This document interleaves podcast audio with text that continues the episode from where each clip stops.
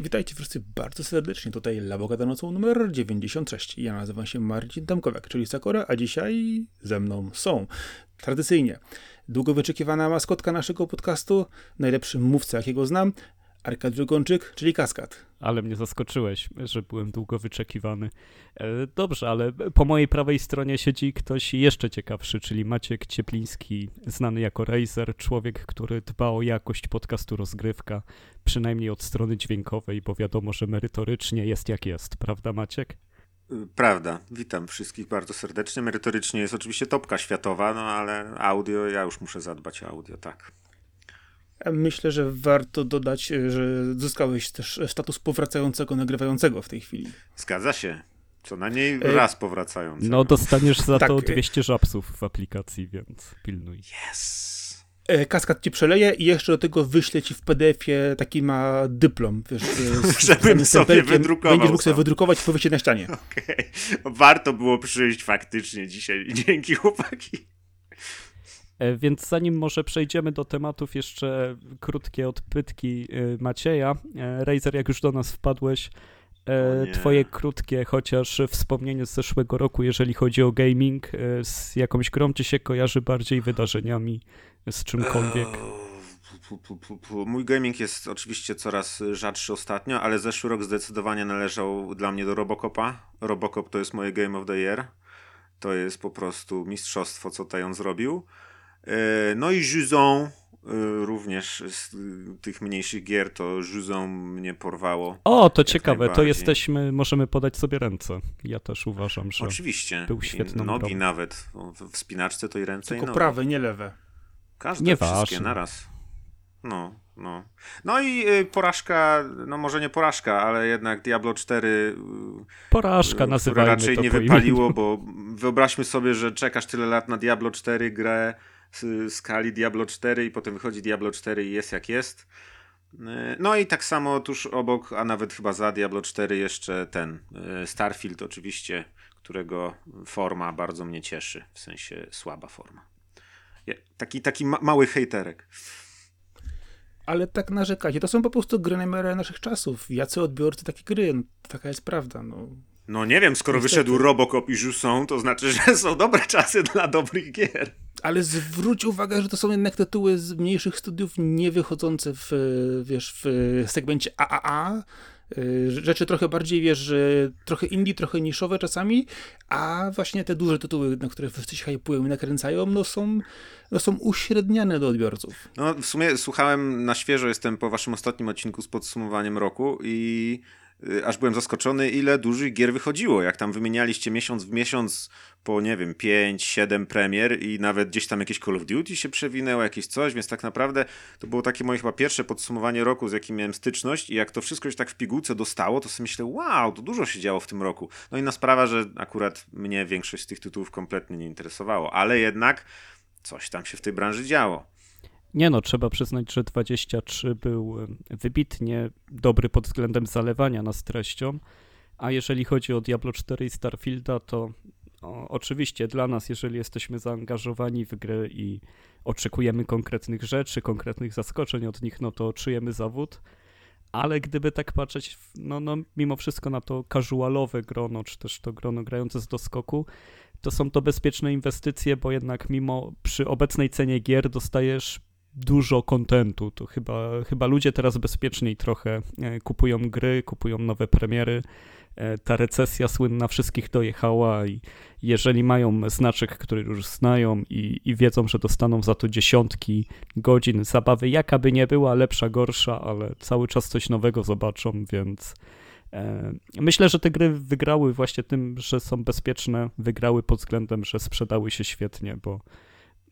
Co byśmy nie mówili o jakości, czy o tym, jak nam się podobały, czy nie, to jak spojrzymy na słupki sprzedaży, to są jedne z większych sukcesów pewnie w zeszłym roku. No, więc to, to, to właśnie są moje wspomnienia z zeszłego roku, jak się pytacie, co pamiętam z zeszłego roku najbardziej gamingowego. A tylko cię dopytam, czy ty jesteś game passowy, czy, czy nie? E, okazjonalnie. Nie załapałem się na ten moment, kiedy wszyscy nakupowali sobie do 2040 roku Game Passa i teraz po prostu wskakuje, wyskakuje, jak coś tam mnie zainteresuje. Nie no, właśnie pytałem przez Starfielda i, i Jusson, czy, czy to były Game Passowe gry twoje i czy też Hi-Fi Rush sobie zdążyłeś wciągnąć w ten sposób. Nie, Hejfirasza niestety jakoś ominąłem i nigdy się nie mogłem zebrać, żeby y, jakoś właśnie się do niego z powrotem wrócić.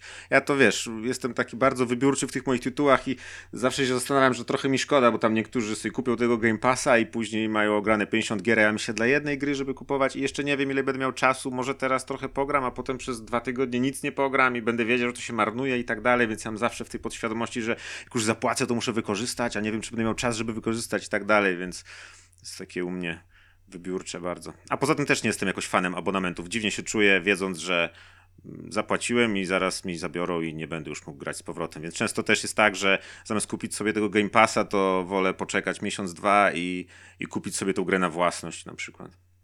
Racja, oczywiście. No to... Znaczy na własność, no wiadomo jak to wygląda. No, jak kupisz na płycie, to na własność. No.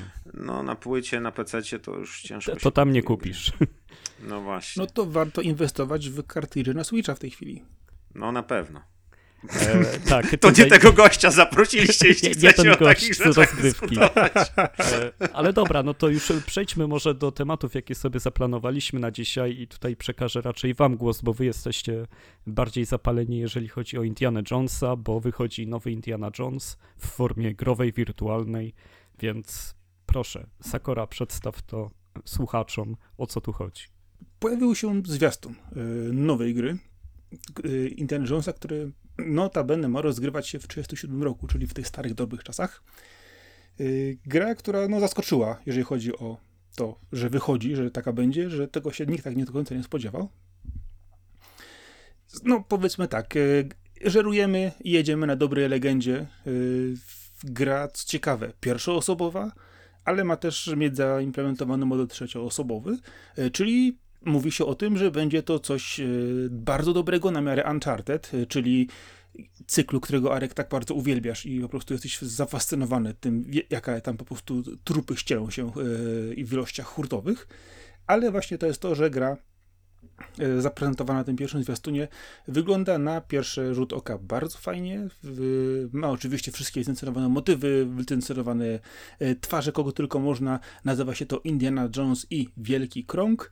E, pokazuje też, co ważne, gameplay i dużo różnych szczegółów właśnie, które są zawarte w tej produkcji. Oczywiście autorstwa Bethesdy w tym wypadku, więc no Niektórzy będą bardzo zadowoleni, inni będą wielce obaw, e, czy co właściwie otrzymamy, e, ale generalnie rzecz biorąc mamy akcję osadzoną pomiędzy filmami, czyli poszukiwacze Zaginionej Arki, a ostatnią Krucjatę. E, po raz kolejny poszukujemy starożytnego artefaktu i korzystając właśnie ze standardowych umiejętności naszego archeologa, e, czyli e, ciętego języka kapelusza, e, bicza i pięści, przebijamy się przez całe tabuny nazistów, aby znowu ocalić świat. No i ci naziści są takim spoiwem, no bo jeżeli chodzi o dewelopera, to Machine Games robi tę grę, czyli ludzie od Wolfensteinów ostatnich. No właśnie. Więc widać, że mogą tych samych modeli użyć. Razer, jak ci się podobała ta zapowiedź, ten zwiastun? E, mam bardzo mieszane uczucia, bo bardzo dziwnie mi się widzi ten tryb pierwszoosobowy. Też się zdziwiłem, co Sakura mówił, że będzie też tryb trzecioosobowy. Takie rzeczy się zazwyczaj też dosyć ciężko łączą, bo jakby inaczej się robi powiedzmy poruszanie się i, i pracę kamery do pierwszej osoby niż do trzeciej i takie gry, które mają opcję przełączania się zazwyczaj kuleją. Na przykład, nie wiem, w Oblivionach czy tam jakichś tam innych Elder Scrollsach też był teoretycznie tryb z trzeciej osoby i on był beznadziejny. E, a na przykład jeszcze mi do głowy przychodzi GTA 5, które akurat było trochę koślawe w tym TPP, a w FPP było jeszcze bardziej koślawe, mimo że teoretycznie to działało. Więc teraz ja już nie wiem, wolałbym się, żeby się na jeden tryb zdecydowali i mimo wszystko chyba wolałbym jednak ten taki trzecioosobowy, nie wiem czemu. Dziwnie mi wygląda, wiecie, ta walka biczem i na pięści. Ja nigdy nie byłem też fanem walki wręcz w, w trybie pierwszoosobowym, bo to zawsze mi było ciężko wyczuć odległość, dystans do przeciwnika i tak dalej.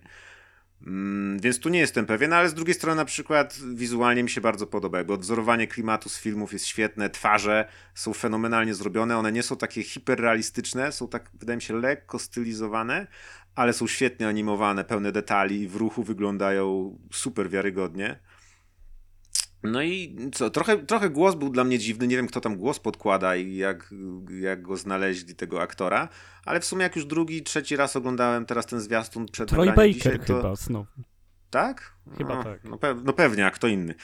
W każdym razie już się przyzwyczaiłem. Już to dla mnie brzmi jak taki młody Indiana, ten młodszy Indiana Jones powiedzmy z tamtych, z tamtych lat, więc myślę, że jest ok. A tak to sam nie wiem. Liczyłbym na to, żeby było widać na tym zwiastunie też sporo takich y, elementów przygodówkowo-zagadkowych, żebym tak powiedział, czyli nie tylko walka, ale też jakieś tam uruchamianie starożytnych mechanizmów, szukanie jakiś tam przeszukiwanie lokacji w poszukiwaniu czegoś i tak dalej, więc Jestem ciekawy, czy tego będzie dużo, bo wydaje mi się, że to dla mnie przynajmniej teraz jest ciekawszym elementem tej gry. Jakby Indiana Jonesa bardziej bym wolał w formie e, takiej właśnie gry przygodowo-zagadkowej niż gry akcji właśnie z tym strzelaniem, z tym biczem z pierwszej osoby, który dziwnie dla mnie wygląda. Nie no, ten bicz to fatalnie wyglądał, jeżeli pokazali, jeżeli to ma być kombat w tej grze, to no, no, Nie, nie pozdrawiam. A ogólnie jeżeli chodzi o samą oprawę graficzną, ten klimat, e, jest ok, takie gry są fajne, fajnie, że wychodzą, ale jeżeli 3 lata temu zapowiedziano Indiana Jonesa i teraz się pokazuje takie coś, to no, no ja tu czuję Xboxa 360, powiem szczerze. E, była taka gra Deadfall Adventures na, na tamtej generacji. E, I, I tutaj tak naprawdę poza jakimś upgrade'em w grafice i animacji, no, no to widzę, przy, przynajmniej na ten moment, no, no ten pokaz nie, nie, nie zrobił jakiegoś wrażenia, żeby coś tu się stało niesamowitego, czy też jakieś miejsce niesamowite. No Indiana Jones w Egipcie, wracamy do filmów, e, jakby zdecydowano się niczym nie zaskakiwać, że to faktycznie mhm, będzie. Tak, tak bezpiecznie. Będzie to, tak, znacie te filmy, widzieliście je 25 razy, to teraz jakbyśmy wam dali jeszcze jeden film pomiędzy nimi, tylko w formie gry e, i sobie poskaczecie i no ale widzisz, chociażby w przypadku Robocop Rogue City to się idealnie sprawdziło, bo on był hiperwierny filmowi i był takim powiedzmy fanserwisem, ale wszedł idealnie, nie? A gier o Robocopie tak samo dawno nie było jak gier o Indianie Jonesie, więc możliwe, że y, wiesz, takie bezpieczne zagranie będzie tym, co, co wszystkich nasyci wystarczająco, że nie będą tutaj wydziwiać jakichś nowych, nowych rzeczy, tylko każdy dostanie tego Jonesa, którego pamięta z tych wspaniałych, starych filmów. No tylko odbiłbym ten argument tym, że faktycznie Indiana Jones, no to już ma konkurencję w postaci Tomb Raidera i Uncharted. No właśnie, tak. Więc, więc tutaj ma ciężej, a Robocop też y, wspaniale pasował do takiej gry FPP, gdzie ta postać była też, że te rzeczy, które były może niedoskonałościami samego studia deweloperskiego, że on się nie za szybko poruszał, był trochę ociężały i tak dalej, one się zgrały z postacią nagle. A, a, a tutaj jednak y, Indie. No właśnie, to... tu by się każdy spodziewał takiego Tomb Raidera Uncharted z trzeciej osoby, nie? A dostajemy coś innego, dziwnego. Ale może właśnie nam to nie pasuje, bo popatrzymy przez to, na to przez pryzmat tych gier właśnie, które znamy, a, a może No ale okazać, trudno przez nie nie patrzeć, nie będziemy udawać, że ich nie ma. No nie, no Dokładnie, no ale tak. weź też pod uwagę, że na przykład e, Indiana Jones and the Inventor Machine i tak samo jak było Indiana Jones and the Emperor's Stone były jednak TPP typowymi, Mm-hmm. Więc tutaj też troszkę, troszkę inaczej było budowane. Oczywiście to jest z gry, z gry sprzed praktycznie dwóch dekad, więc zupełnie, zupełnie w tej chwili już inaczej też e, się nie patrzy. Jednak rzeczywiście były grami e, typowymi TPP. E, tutaj mamy ten model e, FPP z e, informacjami właśnie, które pojawiają się w jednych newsach, że ma być ten TPP, w innych, że nie, chociaż niektórzy no ja właśnie sobie sądzę, tego... że nie będzie, nie wiem skąd jest ten news. Tu czasami na nie widać taki moment, jak on się łapie biczem jakiegoś elementu i się tak na nim buja i wtedy kamera przeskakuje na tryb trzecioosobowy, jest to bardzo Ale dziwne. to tylko takie. A na potem nagle on ląduje, tak, on ląduje i znowu jest FPP, nie wiem, czy to jest tak zwiastun zmontowany, czy coś, ale mimo wszystko wydaje mi się, że no Machine Head, yy, znaczy Machine Games no to jest jednak studio, Machine które... Head. Machine Head, no tak. Freudowska pomyłka. Y, Machine Games to jest studio, które no, ma swoje zasługi i o ile tam pracują ci sami ludzie, bo wiemy jak to jest ze studiami, może nazwa zostać, a ludzie się zmienić i, i się poziom zmienia, no to jednak po Wolfensteinach oni mają spory jakby y, ten, jakby kredyt zaufania u graczy, nie? I może, może właśnie oni wiedzą, że mają coś dobrego i musimy poczekać i sami się przekonać o tym. No jest na pewno spory e, orzech do zgryzienia, jeżeli chodzi o to, że Robocop bez problemu mógł zabijać. E, Drake Van Uncharted to w ogóle był masowym mordercą. Lara Croft też się nie szczepiona, była tak brutalna już potem w Tomb Raiderach, a do Indiany Jonesa raczej nie mogą czegoś takiego wstawić i myślę, że tutaj ten kombat będzie tak zgrzytał, że e, Może samo będzie tak jak w Batmanach, że niby on Indiana Jones do kogoś strzeli, ale on będzie leżeć i będzie widać, że jeszcze oddycha, tylko po prostu jest ranny. Znaczy, tu można wziąć dwie rzeczy przede wszystkim. No to sławną scenę z pierwszego Indiana Jonesa, kiedy strzela do tego gościa na targu, y, którą no to będę nakręcili przypadkiem, po prostu bo aktor był zmęczony i zapytał, czy nie może go po prostu zastrzelić. Y, A z, z drugiej strony myślę, że y, warto byłoby też po prostu popatrzeć na to, że y, mamy Indiana Jonesa, który no te- teoretycznie, no wiecie, no nie zabija, nie, nie, nie ma takie, tego momentu, y, ale jak się spojrzy generalnie, że biorąc na ilość trupów, którą zostawia za sobą Indiana Jones, no to... No tak, tu kogoś zrzuci z Nie. przepaści, tu kogoś gdzieś tam wrzuci pod czołg, no to przypadki się zdarzają, no. Wypadki No. przy No, no bardziej chodzi o budowę gry, która już nie będzie miała tego, wiesz, y, spluwy na środku ekranu i idziesz, nie? I strzelasz, bo raczej to do Indiana Jonesa ja nie widzę, żeby nie- mo- można było zaimplementować takie coś. No właśnie, nie? To, tak, to się tak trochę kłóci. Jeszcze ten beach i tam są elementy walki wręcz, no to okej, ale tam się pistolet też pojawia. Nie wiem, nie wiem. Jest to pierwszy pokaz gry, yy, tak jak sam mówiłeś, Kaskad, yy, jakby pierwsza zapowiedź była bardzo dawno temu. Oni nic nie ujawniali, siedzieli cicho i, i teraz dopiero nam coś takiego pokazali. Myślę, że jeszcze wciąż, dopóki nie będzie na przykład takiego jakiegoś gameplay walkthrough, to, to ciężko wróżyć z fusów. A to będzie blisko, bo gra ma mieć premierę jeszcze w tym roku. E, Nie podano kiedy, ale za to mamy inny tytuł, e, który wydaje Microsoft i należy do Microsoftu, który wyjdzie w tym roku i już ma premierę na 21 maja, jeżeli dobrze pamiętam. I to Mhm. jest Senua's Saga Hellblade 2. E, Kto skończył Hellblade'a 1 poza mną? No oczywiście. No wiesz, no, no. Dobrze, bo uważam, że to była strasznie udana gra y, i też przez to, że ona była w odpowiedniej skali robiona w tym double A powiedzmy Mhm. przedziale y, w eksperymentalnym. Tutaj też Microsoft położył duże dużą część swojej komunikacji na zapowiedzenie, że to też będzie taka siedmiogodzinna przygoda, taka bardziej teatralno-artystyczna, że oni nie chcą zrobić nagle e, nie wiem, jakiegoś konia pociągowego Xboxa z tej Mm. Senui i, i chcą Otwartego zostawić ten klimat. No. I tylko pytanie, czy wierzycie w to, że to się uda, czy, czy podoba wam się to, co robi Hellblade i czy czekacie? Ja akurat czekam. Wiesz co, pierwsza miała to do siebie, że ona jednak bardzo mocno oddziaływała opowieścią. To, jest, to, to był element, który wiesz, bardzo, bardzo mocno spajał i pokazywał, że e, teoretycznie opowieść, wiesz, gdzie e, idziesz, no teoretycznie, no wiesz, e, z mieczem, z wi- wikingami, z czymś w ogóle. Pierwsze, wiesz, w ogóle rzut oka, wiesz, nie patrząc na grę, nie wiedząc o czym jest, to takie zupełnie inne, inne to niż co dostajesz później. To, co dostajesz później, jeżeli rozumiesz to, w co grasz i co ta gra ci przedstawia, to ona naprawdę oddziałuje bardzo, bardzo mocno. Dlatego też mnie ciekawi, jak oni to pokleją z drugą częścią, co, co oni znowu wymyślą, co będzie tym takim motorem napędowym przede wszystkim tej historii i co będzie miała w tle, bo myślę, że to tło jest chyba najważniejsze w tym i daje duży kredyt zaufania w tym wypadku, gdyż jeżeli, jeżeli nie, rzeczywiście nie zrobią z tego, tak jak mówicie, konia pociągowego i nie pojadą za bardzo po bandzie, to myślę, że odpowiednim szacunkiem mogą to pociągnąć dobrze. Swoją drogą pierwsza część była jakby zamkniętą całością, prawda? I Tak. y, istnieje sama w sobie i nie potrzebuje żadnego sequela tak naprawdę. I tu się tro, tro, tro, ja się trochę martwię o tego Hellblade'a, bo ja jestem mega fanem pierwszej części. To jest dla mnie jedna z trzech najbardziej tak emocjonalnie oddziałujących na mnie gier.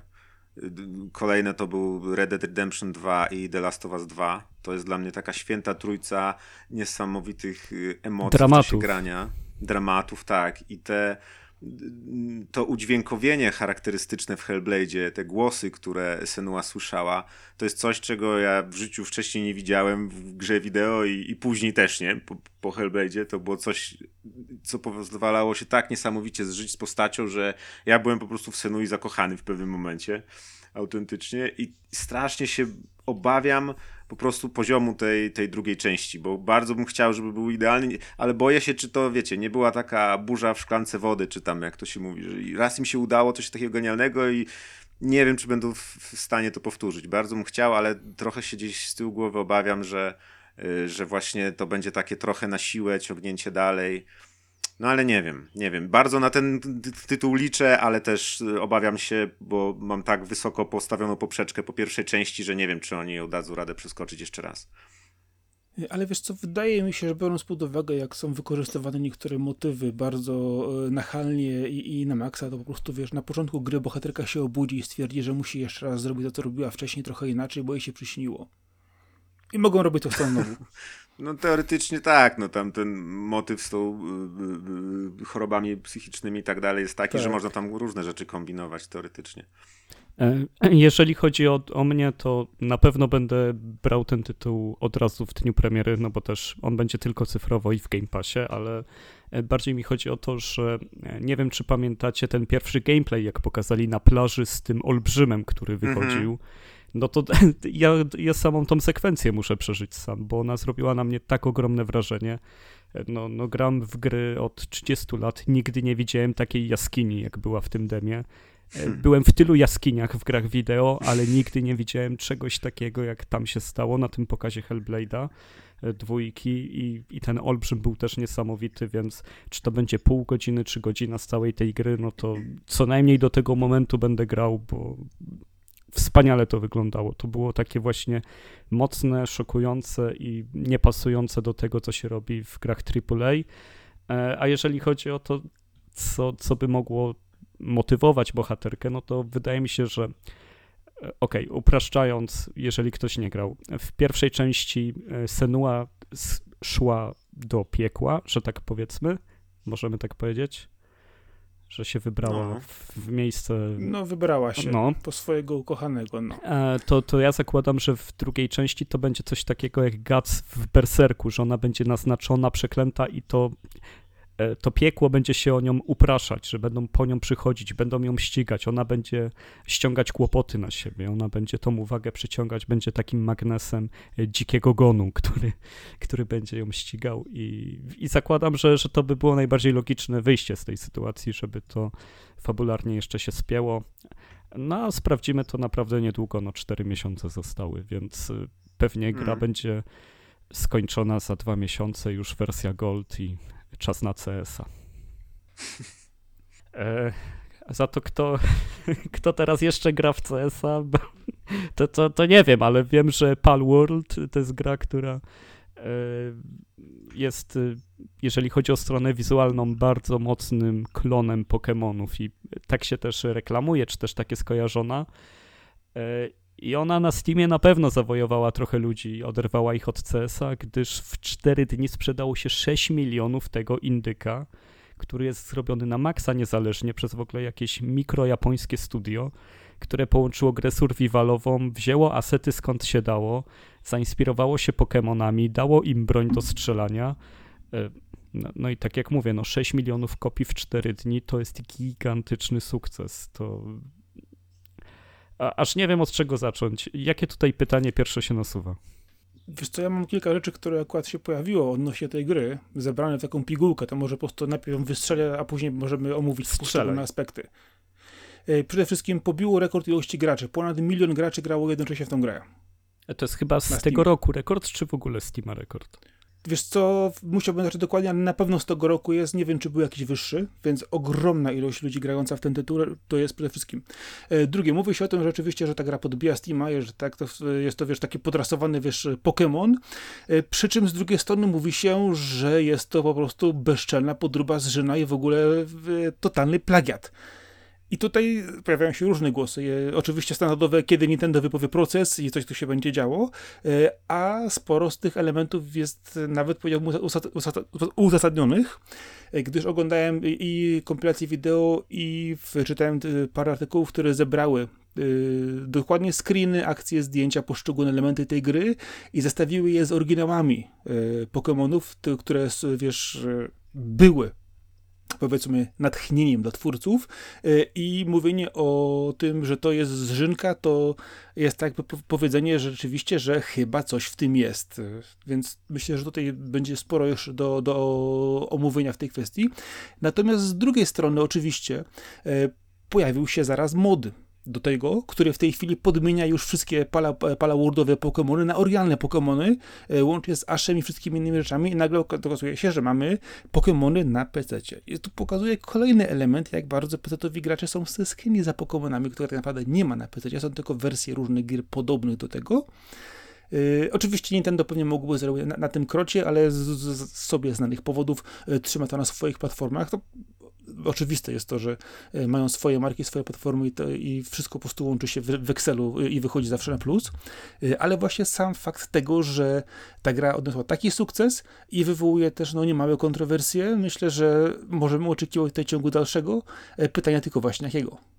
E, ciąg dalszy jest taki, że e, uważam, że do pozwu nie dojdzie, że mimo wszystko jest to przegrana sprawa, że nawet jeżeli te rzeczy są do siebie tak bardzo podobne i każdy wie, że to jest zżyna z Pokémonów, no to to, że ktoś wsadził do swojej gry potworka, który jest niebiesko-czarnym psem, no to nie można tego opatentować. To... Wiesz co, nie, ale chodzi mi o to, że porównywano modele yy, i zależnie od yy, porównania zestawiono 130 do 170 modeli z gier i niektóre są autentycznie identyczne, łącznie, łącznie z tym, że po prostu asset był skądś prawdopodobnie takie sam wzięty do tego, to tak bardzo były już niektóre te analizy zrobione, jest sporo w sieci, wystarczy po prostu sobie wpisać porównanie Palaworda i Pokémonów i na, obejrzeć to i naprawdę czasami człowiek się chwyta za głowę. Jak to mogło przejść? Jeżeli uda się udowodnić, że to jest ten sam asset, to tak, to, to jest plagiat, ale udowodnić to, to myślę, Właśnie że... rozumiem, że tu chodzi Jasne. jakby tylko o te modele, bo gameplayowo ta gra jest zupełnie inna niż te Pokémony tak. takie, bo ja nie grałem nigdy w Pokémony, tak, więc tak. nie wiem, a gameplayowo Boże, to wygląda jak jakiś Fortnite ze zwierzątkami. Wyciszaj go, wyciszaj go. Biega, biega, biega ludek kopie, potem coś buduje, a potem wskakuje na dinozaura, który wygląda jak z innej gry wsadzony, bo ta gra powiedzmy ma jakąś taką quasi realistyczną grafikę, a te Pokémonki są jak z Gigi La Trottola nagle wsadzone. No i potem biegają, dużo strzelania, masakra jakaś. Ale no, słuchajcie. No ta gra to się nie składa za bardzo, ona nie wygląda za dobrze, jest niedopracowana, to jest early access w ogóle. E, więc jej sukces chyba pokazuje faktycznie, że ogólnie, że był głód, było ciśnienie na to, żeby w ogóle coś takiego wyszło. Nieważne na ile będzie podobne do Pokémonów, ale tyle o ile, żeby było, moderzy już sobie poradzą i tak jak mówiłeś Marcin, e, podmienią te modele, więc... Już są, już są, już są, tak. już, już widziałem właśnie filmiki w tej chwili gotowe, podmienione. E, no ja trochę jestem w szoku, jak to czasami przychodzi łatwo, czy też jak te pomysły nisko wiszą czasem, żeby odnieść tak wielki sukces. Bo... Znaczy dokładnie, bo to wygląda, że ta gra równie dobrze mogłaby być trupem po tygodniu, nie? To jest takie mhm. jakieś kompletnie losowe. Nie zdziwiłbym się, gdyby ktoś mi powiedział, że ta gra wyszła i umarła, a też się nie dziwię, jak ktoś mi ta gra wyszła i jest giga sukcesem. Nie mam pojęcia, na czym to polega, to już jest, nie ogarniam po prostu tego, jak, yy, czy to się może jakaś zrobiła moda, może wiesz, wystarczy, że na przykład, nie wiem, jeden, dwóch znanych streamerów zagrało i później poszedł efekt kuli śnieżnej, czy coś, nie mam pojęcia, ale... No ciekawą kwestią jest to, że tam nie ma dużego wydawcy. Tam praktycznie to studio samo wszystko zrobiło. Tam nie było pieniędzy na marketing. To, to nie jest Dave the Diver. Y, dodam ci jeszcze jedną rzecz, że właśnie biorąc pod uwagę tej jednej gry, która akurat, wiesz, zagryzła, to biorąc pod uwagę to, że w zeszłym roku wydano na Steam łącznie 14 531 gier, czyli 2000 więcej niż w poprzedzającym 2022, to wybicie się tej jednej gry, no rzeczywiście jest, jest czymś, co mówisz, e, ktoś musiał to zauważyć, ktoś musiał, musiał to e, pokazać, gdzieś musiało to pójść dobrym kanałem, no i rzeczywiście ludzie oszaleli. Trochę mi się to kojarzy z y, tym, teraz sobie googlałem, bo oczywiście zapomniałem nazwy, Genshin Impact, które też było nieznanego studia jakiejś małej chińskiej firmy i nagle wybuchło i mimo, że było oskarżane, że jest klonem y, Zeldy, to osiągnęło gi momentalnie gigantyczny sukces. Nie no, tutaj trochę masz bias, no bo jednak to studio miało ogromne pieniądze i masę ludzi i, i grę za darmo wypuścili no free-to-playową, nie, nie, Więc tam okay. zaplecze było ogromne. E, mhm. Znaczy, ważne, nie było wiadomo, czy to będzie sukces, nie? No bo to tam trudno założyć dzisiaj, ale wsparcie, paliwo, machinę całą marketingową, usługi, mhm. oni byli na top przygotowani. No okej, okay, więc... to mieli lepsze warunki niż ci tutaj. Ale ci mieli Pokémony, co... modele Pokémonów za A ci mieli Pokémony, no właśnie. No. Jeszcze za darmo. No, w przypadku, no, w przypadku Genshina akurat warto wspomnieć, że wiesz, ta gra jeszcze wychodziła mobilnie, ona, ona wiesz, była niszowa w Chinach, czyli wiesz, grało w nią pół, pół miliona no, tak. E, ludzi na dzień dobry na przykład, nie? Więc to też jest inna kwestia. O, oczywiście za, za ten Honkai i inne kontrowersje związane właśnie też, co mówiłeś, Arek, odnośnie Zeldy, ale na przykład w Genshina gra właśnie moja starsza córka i ona sobie za tą grę chwali, ona ma dużo fajnych mechanizmów, dobrze dopracowana, tam się ciągle coś dzieje. Ja patrząc na to, jak ona gra i co się tam jest, to oczywiście powiedziałbym, że może być jakaś inspiracja Zeldą, ale jeżeli inspiracją jest, wiesz, szukanie różnych rzeczy na otwartej przestrzeni, no to wiesz, połowa gier ma tą inspirację. Hmm, no ja tylko kojarzę Genshin Impact z okresu A wracając premiery. do Palworldu, no to to jest jak sklejone z zupełnie różnych parafii, wszystkie asety wyrzucone, byle przypominało poksy, byle była zielona trawa, niebieskie niebo. E, trochę szaleństwa, trochę tych rozwiązań z gier takich jak, nie wiem, Valheim, no bo tam budujesz domek sobie, musisz kraftować przedmioty, zbierać je. To jest taki survival w ogóle, jeżeli chodzi o, o sam gameplay. E, no, no, nie wiem, mnie odrzuca, jak ja na to patrzę i nie, nie, nie mogę zrozumieć. E, no to dobrze, czy... cieszę się, że mimo tego, że są Pokémony, to jeszcze masz resztki rozumu i cię odrzuca. No, no ja niestety mam tak, że nawet Pokémony od y, Game Freaka mnie ostatnio odrzucają. Ja, ja nie mogę w te trójwymiarowe Pokémony, coś muszę to powiedzieć, że dwuwymiarowe Pokémony miały tyle więcej magii niż to, co się stało od kiedy ta seria jest w trzech wymiarach, że aż aż dziaderska jest w ogóle o tym przypominać, bo to też się dawno temu stało, ale ale jakbym mógł, to bym chciał nowe Pokémony dwuwymiarowe, jak, jak mogę prosić. Na Game Boy Advance'a jeszcze. Najlepsza stylistyka. Ja akurat nie mam z tym problemu, ja osobiście wolę e, Yokai Watche i Digimony, e, ale Arek powiedz mi w tej chwili na przykład najlepsze Pokémony na Switcha, które są? E, Arceus, to na pewno. Arceus bardzo dobrze poszedł, jeżeli chodzi o mechaniki. No, no tam jest problem z tym, że ta gra wygląda tak, że jak postawisz ją obok Worlda, no to nie wiesz, która to jest gra od gigantycznego wydawcy, a która od indyków, no bo to raczej odwrotnie wygląda. No, naprawdę źle wygląda Arceus. Można złapać takie screenshoty, że, że wydaje ci się, że to jest wczesne PlayStation 2 nawet i um, oni tam mają duży problem, no ale też ile oni robią tych gier, no Game Freak to jest taka fabryka, niech im ktoś da w końcu trochę czasu. No, no ostatnio przecież w tym roku, co Arceus wychodził, no to dwa Pokémony wydali, nie? Dwie duże odsłony serii. Teraz mają trochę przerwy. Mam nadzieję, że szykują coś dużego na Switcha 2. No właśnie. Switch 2. Przejdźmy do niego. Chyba, że o Palworldzie jeszcze jakieś podsumowanie macie i powiedz, kiedy zaczniesz w to grać? Nigdy, na szczęście. Te szansa była mała nawet 15 lat temu, jak grałem we wszystko, co mi wpadło w ręce, a teraz to już kompletnie. No, no dobrze. E, to tak, e, skoro już Switch 2 został zahaczony, no to pojawiają się kolejne głosy, czy też przecieki. Podobno setki deweloperów już pracuje nad grami na Switcha 2. Wychodzą takie informacje. Eurogamer takie coś raportował. E, więc możemy wrócić do naszej szklanej kuli, do naszych marzeń, oczekiwań. Nie wiem, no wiemy, że Switch 2 powstaje, raczej pojawi się w tym roku, możemy tylko wątpić, czy faktycznie, nie wiem, nie pokażą w tym roku, a będzie premiera w przyszłym marcu, jeżeli już. E, więc tak, więc powiedzcie, jakie chcielibyście gry na start, jakie możliwości, co powinien robić Switch 2, jak bardzo być mocny, jaki poziom grafiki będzie ok, jaki poziom mocy, czy to Switch 2 powinien być przenośnym PlayStation 4, czy, czy czymś mocniejszym, czy wystarczy słabsze, jak to widzicie? Nie wiem czemu mówisz w liczbie mnogiej, bo ja Switchem jestem tak zainteresowany jak zeszłoroczną zimą i to bardziej od was bym się właśnie chciał dowiedzieć. No to co, czego potrzebujesz od niego? No? Niczego, bo ja nie potrzebuję Switcha i dlatego bardziej bym się od was chciał dowiedzieć, co jest złego w obecnym Switchu, co byście chcieli zmienić w dwójce, bo mm, myślę, że Switch, no właśnie tak jak mówisz o mocy obliczeniowej czy coś, to klienci, którzy kupują Switcha nie zwracają chyba na takie rzeczy uwagi. Chyba, że tam gry już działają naprawdę słabo, ale też nie wydaje mi się. Więc czego można chcieć od takiej konsoli, oprócz na przykład, nie wiem, większej baterii, bo to na pewno by się każdemu przydało, skoro ona jest hybrydowa i przenośna, to zawsze lepiej mieć tą dłuższą baterię. Ale czy na przykład, żeby on był większy, czy większy Switch jest potrzebny, żeby był taki duży jak Steam Deck i żebyś musiał, wiesz, duży plecak nosić, albo Oby żeby nie. był mocniejszy, jak będzie mocniejszy, to będzie krócej działał. I poza tym, po co komu jest y, moc w konsolach y, Nintendo, nie? No mówmy się. Nie na tym polegają konsole Nintendo. Więc z tym Switchem drugim to nawet sam się zastanawiam, co oni tam mogą wpakować, bo nie mogą za bardzo chyba iść taką drogą właśnie tradycyjnych y, konsol, czyli będzie mocniejsza, będzie więcej poligonów, bo to Nintendo nigdy tą, tą drogą nie szło, zawsze coś tam wymyślało.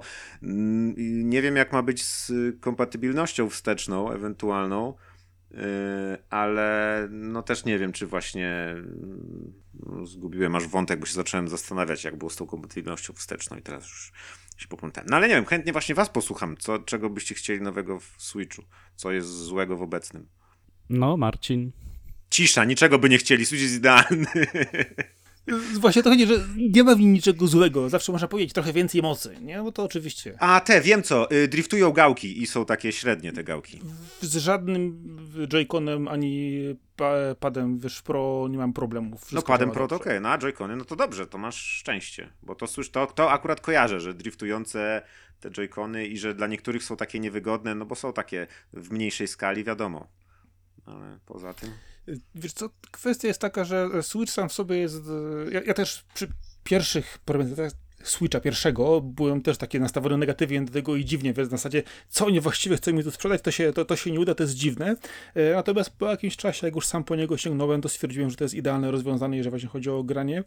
E, Zarówno i to przenośne, i to w doku. Więc sama idea Switcha jest, uważam, dobra, więc tylko można by ją sensownie rozbudować. No i właśnie teraz pytanie, czy oni ją sensownie rozbudują, czy będzie to jak w przykładzie, e, jak to, się, jak to zawsze e, Kaskad mówi, co druga konsola Nintendo nie wychodzi. Więc e, teraz by- byłaby ta, która nie wyjdzie, więc o, oby nie. Kwestia właśnie tego, co oni mogą więcej zrobić, to pojawiały się już przecieki dotyczące specyfikacji właśnie też, czyli PlayStation 4 mniej więcej, jeżeli chodzi o poziom grafiki, poziom też procesorów, poziom pamięci zawartej. Kwestie wiadomo dotyczące tego, że wielkości nie było jeszcze dokładnie potwierdzonych chyba wprost, dobrze pamiętam, Marek? Wielkości chyba jeszcze nie potwierdzili. Nie, nie, jeszcze nie. Nie. Więc też pytanie, czy będzie takie same, czy będzie większe, czy będzie grubsze, e, czy na przykład kupić najlepiej na premierę, czy poczekać na wersję V2, gdzie oczywiście będzie e, zrewidowana przykładowo budowa, bateria i tym podobne rzeczy. No jest dużo wątpliwości. Chociaż też e, gdzieś często to czytałem, pojawiły się też jakaś informacja, że ponoć ma być dostępna oczywiście w dwóch wersjach. Jedna z czytnikiem kart drożej i taka Digital Edition bez czytnika kartridży taniej. Więc zobaczymy, ile będzie w tym prawdy, bo takie informacje też gdzieś się pojawiały.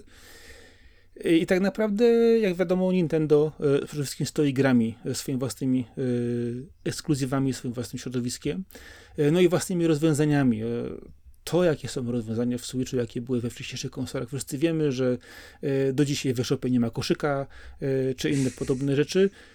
Powiedzmy sobie szczerze, no, e, chodzi o to, żeby przyjemnie grać. E, Tutaj wydaje mi się, że tym głównym kluczem jest to, że będzie mieć więcej mocy. Czy oczywiście gry będą ład- ładniejsze, gdy będą większe, gdy, gdy będą chodzić lepiej. Okej, ja do dzisiaj gram na 3DS-ie i nie mam z najmniejszego problemu, gdy gdyż tam cały czas e, sporo gier chodzi fantastycznie, ale właśnie wydaje mi się, że to, że jednak rynek e, nie lubi tej próżni i za jakiś czas jednak ten sprzęt trzeba wymienić, musi pójść do przodu, musi być mody- zmodyfikowany, a z drugiej strony Excel wiadomo musi zgadzać się, jeżeli chodzi o tworzenie e, nowych platform i e, zarabianie na nich, a z drugiej strony to jest też, że zawsze każda konsola w pewnym momencie swojego życia dochodzi do takiego momentu, kiedy rzeczywiście no, nie da się już dużo więcej na nią wyprodukować, stworzyć rzeczy jakościowych, powiedzmy bardziej graficznych, e, gdzie rzeczywiście zaczyna zadać własny ogon, można stosować już różne triki, e, dużo wiadomo deweloperów później ma już te różne opracowane rzeczy. E, Najlepiej po prostu m, spojrzeć zawsze można na wczesne PlayStation 2 i później PlayStation 2, jak te gry wyglądały, kiedy rzeczywiście już deweloperzy mieli roz- rozdzieloną konsolę do końca. No i mi się wydaje, że w tym momencie też Switch dochodzi do tego momentu, gdzie no, żeby pójść dalej e, z graczami, no to jednak trzeba zrobić ten krok, dać więcej mocy i dać tym grom też trochę więcej swobody, jak i deweloperom. E, No, więc miejmy nadzieję, że też e, Nintendo zdejmie z siebie to fatum e, co drugiej konsoli, która jest B. A swoją drogą, czy ten Switch to jest oficjalnie Switch 2 i że to będzie jakby... Nie, nic nie jest dalej oficjalne. Nie, nie. No właśnie, bo skojarzyło mi się, że przecież Nintendo mm, jakby każdą swoją konsolę robiło inną. Inne było NES, SNES, Nintendo 64, i potem nagle był GameCube. No, NES i Potem SNES Wii. były podobne. Co tam No? Był dobra, no DS, one były. 3DS, Właśnie- Wii, Wii U. Właśnie, no Wii Wii U to jest duża różnica, bo Wii U jednak było z tym tabletem. Ten 3DS to jest, wydaje mi się, Nintendo DS i 3DS to były takie dwie konsole, y, No które i z były Game do siebie Boye bardzo, też bardzo podobne. No i sobą też były Game Boye... Dużo mają takich rzeczy, wiesz. No, Powiedzmy, ale właśnie się zastanawiam, czy, czy to będzie, tak jak wszyscy mówią, Switch 2 i że to będzie to samo, czy nagle nie wyskoczą, wiecie, że nagle wcale nie mobilna, tylko stacjonarna i jakaś tam, nie wiem co, na, na jakiś dziwny format czy coś, no bo Nie no, bycie konsolą hybrydową im chyba tak zaskoczyło i pokazało, że jest cały segment rynku na to. No przecież Steam Deck by nie powstał bez Switcha, no nie oszukujmy się. No w sumie tak, czyli, czyli jednak ta nowa konsola, jakby się nie nazywała, to raczej będzie takim bezpośrednim, bezpośrednią ewolucją Switcha, a nie po prostu zróbmy kolejną generację jakiejś konsoli, nie? No, no zrobienie stacjonarnej nie miałoby sensu dla Nintendo, no bo co, na moc się będą ścigać z innymi, no nawet z ich pieniędzmi byłoby to trudne. No ale przy Wii U, przy Wii też się nie ścigali na moco, to były stacjonarne, nie? Ale rzeczywiście, możliwe, że tak jak mówisz, bo faktycznie ten rynek przenośnych mini PC-ów też się nagle rozwinął gigantycznie. Z tym, że Wii i Wii U się ścigało na innowacje typowo, no jednak y, obie były mocno zmieniały sposób No tak. No właśnie, i teraz czy, czy Nintendo zrobi mocną innowację, czyli zupełnie co innego niż Switch, czy jednak pójdzie to, co rzadko robi, że wyewoluuje obecny produkt na, na Nie no, podstawa powinna być y, taka sama, ale liczę na ten gimmick. Liczę, że tam będzie coś dziwnego. Że, że coś nowego, nie? Że to nie będzie tylko właśnie będzie, Switch 2.0 mocniejszy. No albo może będzie taki pilot jak do Wii dołączony, żeby nim grać w zupełnie inne gry, że będzie, wiesz, trzeci kontroler w pudełku, który będzie do czegoś tam. Mieli kiedyś taki patent na nakładanie na palec tego, co, jak w szpitalu miałeś, żeby badało natlenienie tak. twoje, z poziom stresu. E, oni niedawno wypuścili aplikację Pokémon Sleep, gdzie śpisz z Pokémonami w ogóle. I wiesz, wow, spoko. Nintendo takie rzeczy wypuszcza. tak, tak, więc, e, więc wiesz, tam E, ja liczę na ten gimmick, ale też e, powiedzmy, że jeżeli chodzi o moc, to na pewno jej potrzebują, ponieważ Switch jest pierwszą platformą, która sprawiła, że e, Nintendo przyciągnęło wydawców third party, dużych, zachodnich, tak naprawdę mocno. Że, że na Nintendo wyszedł ten Wiedźmin, wyszedł Skyrim, wyszedł Red Dead Redemption, wiesz, no te rzeczy nie miały szans wcześniej, w, w ogóle o tym nikt nie myślał, a, a teraz mhm. strasznie dużo zachodnich, y, dużych tytułów jest na Nintendo i chciałoby być pewnie jeszcze więcej, gdyby było to możliwe, gdyby mogły się zmieścić. E, więc, więc jakąś tam furtkę do tego trzeba otworzyć, żeby ten Resident Evil 7 nie był w chmurze, tylko normalny już, y, bo, bo w chmurze można grać na Switchu, no przecież to jest przyszłość. To, to, to też żaden problem, jak widać. E, więc może za benchmark sobie postawią tak, żeby GTA 6 poszło. To by było dopiero szokujące. jakby, no. jakby wiesz, były rozmowy Nintendo, Rockstar, no dobrze, no my mamy 130 milionów użytkowników, wy, wy macie tyle użytkowników, no musimy się połączyć, no, no znajdźmy drogę na przykład. To by były bardzo ciekawe ogłoszenia, gdyby tak się stało przecież. To już bym na streaming chyba bardziej stawiał. No, uważam, że, że GTA 6 ma szansę na, na nowym Switchu, że, że te firmy, je, jeżeli są sensowne, no to powinny przynajmniej prowadzić teraz rozmowy na ten temat. Jak to zrobić, żeby, e, żeby się gdzieś spotkać. To, to by było bardzo ciekawe. E, no a wracając do gimików, wydaje mi się, że jednak e, to pójdzie w online i bardzo bym liczył na to, że to będzie znowu, że zaczynasz, logujesz się, to masz swoją Mi Plazę, robisz swojego Mi Ludzika, chodzisz po jakimś otoczeniu, gdzie, nie wiem, co piątek dostajesz quiz wiedzy o Nintendo i, i tutaj żaden, wiesz, żaden sprzęt, który, który odpalasz, nie, nie robi ci quizu od rana, nie mówi jaka jest pogoda, nie życzy ci miłego dnia, tam będzie jakiś, wiesz, twój dziwny asystent od Nintendo, który jeszcze Wii Fitness ci w to wszystko wrzuci. Coś no to totalnie... by było coś, po pierwsze, rzeczywiście po Nintendowemu, a po drugie, rzeczywiście taki gimmick idealny, bo żadna inna konsola nie, nie skupia się kompletnie na takich rzeczach, żeby nadać temu hardware'owi taki charakter, nie? no, mi bardzo tych rzeczy brakuje. No, no ja miał jeszcze 3DS ostatni, kiedy się kupowało, miał dużo takich aplikacji, takich rzeczy pobocznych te wszystkie Street Passy, niech Street Pass w ogóle wróci, no niech ten Switche, jeżeli go wezmę w plecach, niech pozwoli mi się minąć z kimś, no. kto też ma Switcha, tak. odkryć coś za, za tą sprawą. Wiem, że te rzeczy działają w skali mikro potem, one, one nie idą tak bardzo w świat i, i, pewnie są strasznie trudne do opracowania, ale byłbym przeszczęśliwy, gdyby to było takie osobiste przywitanie. Każde odpalenie Switcha czy jakiejkolwiek platformy powinno się z tym wiązać Teraz, kiedy mamy ten cały online, jestem wściekły i zirytowany, że nikt tego nie robi, że te wszystkie możliwości, które mają, żeby się do nas dostosować, jakoś przywitać, zareagować, w czasie rzeczywistym coś zrobić, zbierają te nasze dane i nic z tym nie robią. I robią gry, których ja nie chcę. To, to jest wszystko z, Dobrze, z, tych, Arek, z tych danych. wiesz co? Ja mam dla ciebie rozwiązanie. Dostaniesz w Switchu 2 asystenta AI do grania, który będzie, będzie to wszystko robić No, i gadać z tobą. Ale myśli. niech będzie, ale niech on to będzie AI Nintendo. Tak, i będzie cię nazywać Nintendo Home i będzie usiłował ustawić kanapę po drugiej stronie tego pomostu, pomostu nad wodą. Będę nie? przeszczęśliwy. Odpalając Switcha 2 od razu jakiś prosty Animal Crossing, mój Wii trener, który, który będzie mi mówił, że, że dzisiaj za mało Switchem pomachałem, że pewnie nie ćwiczyłem i będzie...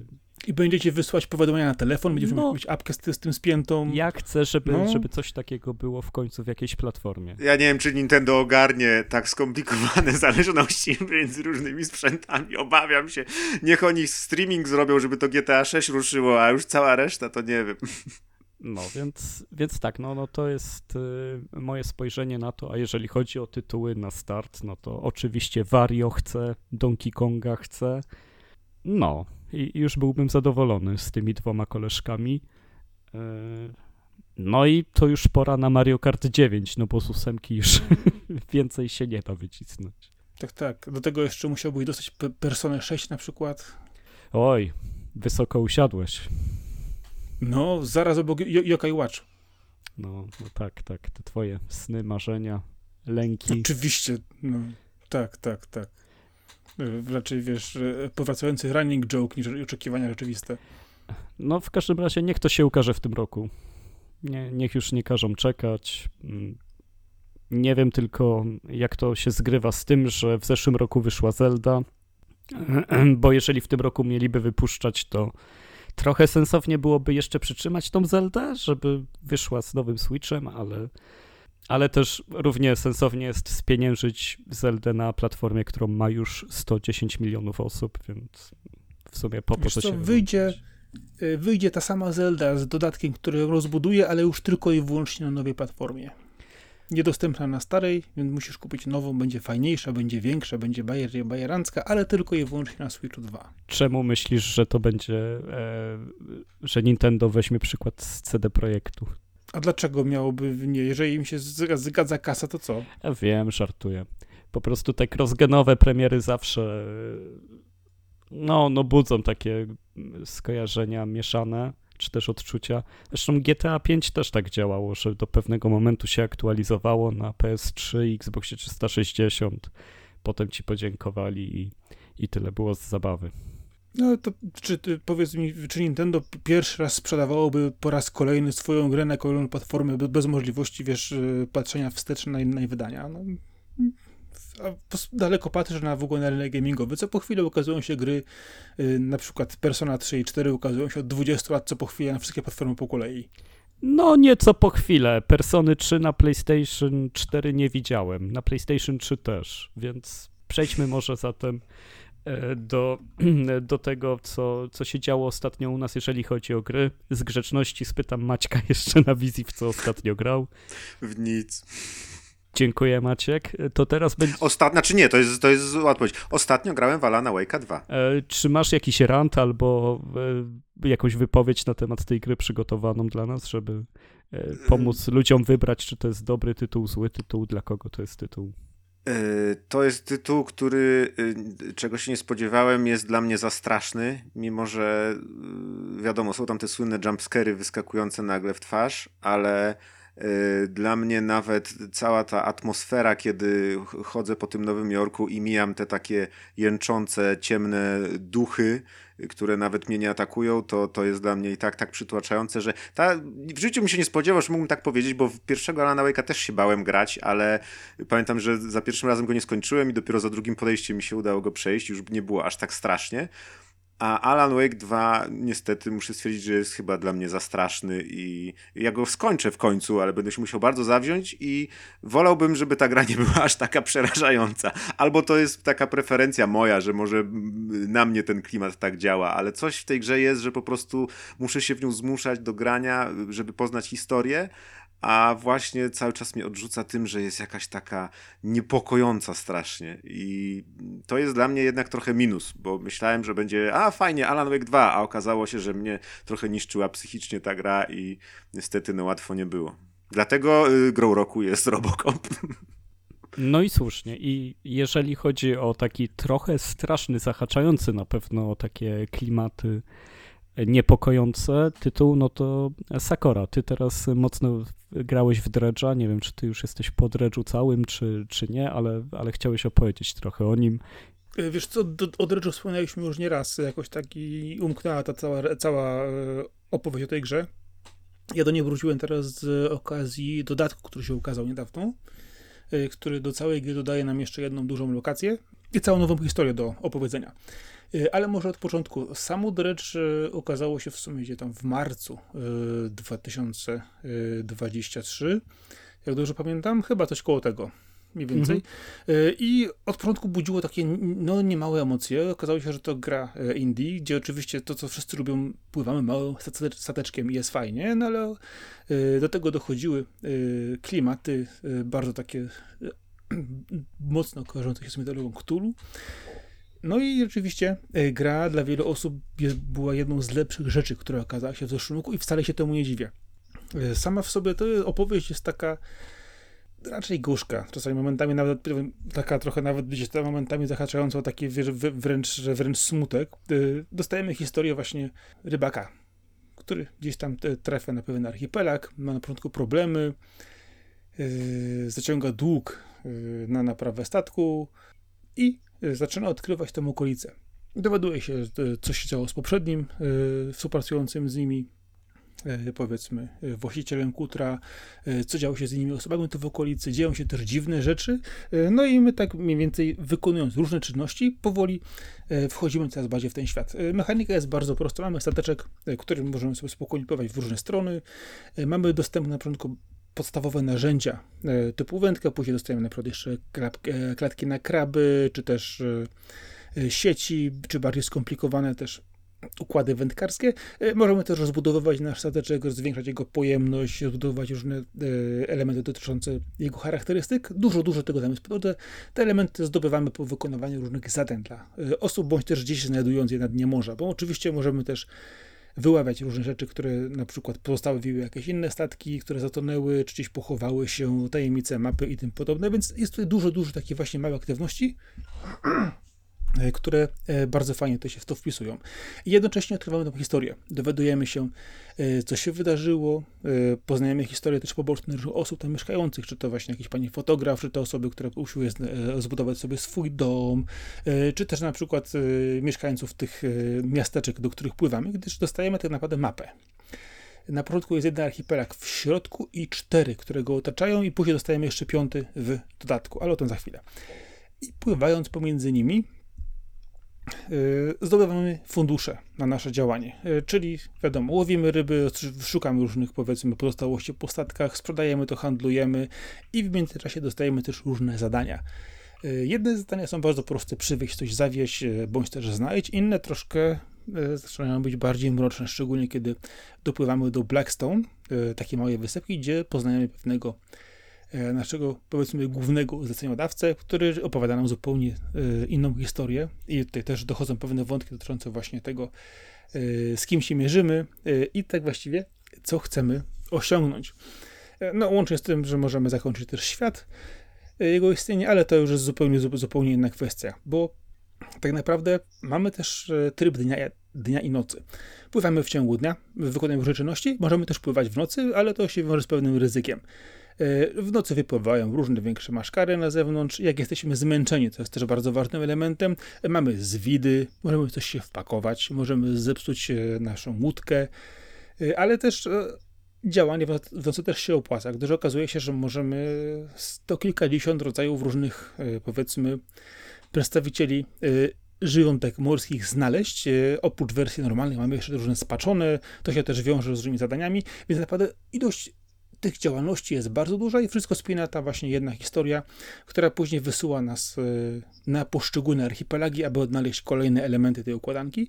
E, co ważne, mamy też pewne dodatkowe umiejętności powiedziałbym, e, możliwości działania na naszym łódce, począwszy od prostego oświetlenia sobie na przykład drogi w nocy, kiedy nic nie widzimy, przez rzeczy takie powiedzmy dotyczące bezpośrednio połowów, jak i też takie bardziej magiczne, na przykład straszające powiedzmy dużych przeciwników, których też spotykamy nieraz. czy też na przykład ucieczkę, teleportację bezpośrednio na tą sławną wyspę Blackstone, więc sporo, sporo tam jest, dużo do rozwinięcia. Tak samo też są elementy, które wpływają bezpośrednio na to, ile kosztują ryby w danym miejscu, gdzie z nimi lepiej popłynąć, ile mamy czasu, w jaki sposób na przykład ewentualnie zarządzać tymi swoimi zapasami, jak budować, e, rozwijać swoją łódkę i to wszystko e, sprytnie spina się razem. E, mamy też pewne książki, które cudzysłowie czytamy podczas pływania łódką, które wpływają też na różne statystyki i poznajemy tą historię. Gra się bardzo przyjemnie w to, mimo tego, że nie jest ta gra taka powiedzmy sobie pastelowo-słodko ładna, ona jest naprawdę, ma swoją stylistykę, Szczególnie widać ją w przypadku e, postaci, które spotykamy, jak to jest zrobione, i odkrywamy tajemnicę tego archipelagu, właśnie, czyli co stało się e, wcześniej, gdzie jest burmistrz, na przykład jeden z wątków. E, Spotkamy dużo, dużo postaci, czy to na przykład naukowczynia na wyspie, która pomaga nam rozwikłać jedną, jedną z zagadek, czy też na przykład na archipelagu, wpływa nam okradła. Odszukujemy też pewnych rzeczy w innym miejscu, na przykład mamy też elementy na przykład bardziej powiedziałbym e, tropikalne, inne archipelag przypomina nam na przykład totalne jakieś takie ktulistyczne e, wulkan, wulkany w połączeniu z magmą, gdzie na przykład zamiast zwykłych, zwykłych osób mamy jakichś kapłanów, dawnowych religii, szukamy dużo, dużo różnych rzeczy. I też pojawiają się różne mniejsze mechaniki w międzyczasie e, dotyczące przykład wysadzania w powietrze jakiejś, jakiejś nowej drogi, czy też na przykład uruchamiania dodatkowych urządzeń w różnych miejscach wydaje się to być takie trochę na początku podpatrzających, szczególnie kiedy okazuje się, że na początku mamy bardzo mały zasięg i nasza łódka bardzo powoli pływa i praktycznie rzecz biorąc możemy na przykład wykorzystywać nasze wędkę tylko w jednym typie łowisk. Z czasem wszystko to rozbudowujemy, naprawdę można po tej mapie sobie bardzo śmiało i szybko śmigać. I dużo, dużo takie właśnie rzeczy do odkrycia, po czym jak się płynie, to jest tak, a jeszcze tu raz zobaczę, a tutaj coś złowię, a tutaj coś wykombinuję, a tu jeszcze miałem coś do załatwienia. A tamtemu facetowi w żółtym miałem przywieźć tę rybę, a temu w czarnym tam jeszcze coś innego, a tamten chciał coś znowu jeszcze. I wszystko tak zupełnie naturalnie wychodzi, przemieszczając się między tymi e, archipelagami, sporo, sporo rzeczy można sobie tutaj ogarnąć. No i co ważne, e, dużo rzeczy jest takich troszkę, czasami wydaje się lekko dwuznacznych, jeżeli chodzi o to, co się dowiadujemy po drodze. E, I co ważne, w zależności od tego, jakie podejmiemy działania i czy uda, i czy, no właśnie, to jest ważne to, możemy przejść tę grę bardzo szybko. Możemy po prostu ją przepłynąć w 9-10 godzin, siu, siu, po prostu od razu, e, główne wątki, główne rzeczy, gra jest zakończona. Natomiast jeżeli poświęcimy trochę więcej czasu, zacznie poszukiwać dodatkowe archipelagi, dodatkowe wyspy, dziwne miejsca, które tak są nieoczywiste, żeby do nich dopłynąć, okazuje się, że tam coś jeszcze jest więcej ukrytego i mamy też właśnie to same drugie zakończenie dla tych bardziej powiedzmy pracowitych e, graczy. Obydwa są, no, powiedziałbym, dotykają emocji, szczególnie tego, co się dzieje. I tutaj warto wspomnieć, że no, są bardzo konsekwentne w tym, co pokazują i w jaki sposób tę, tę grę kończą.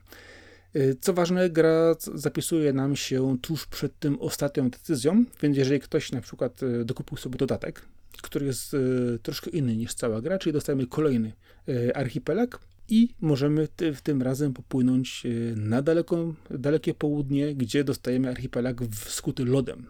I jest to zupełnie zupełnie czyli mamy no, nowe rybki do łowienia, nowe tajemnice do rozwiązania pewnej załogi, która zaginęła razem ze statkiem.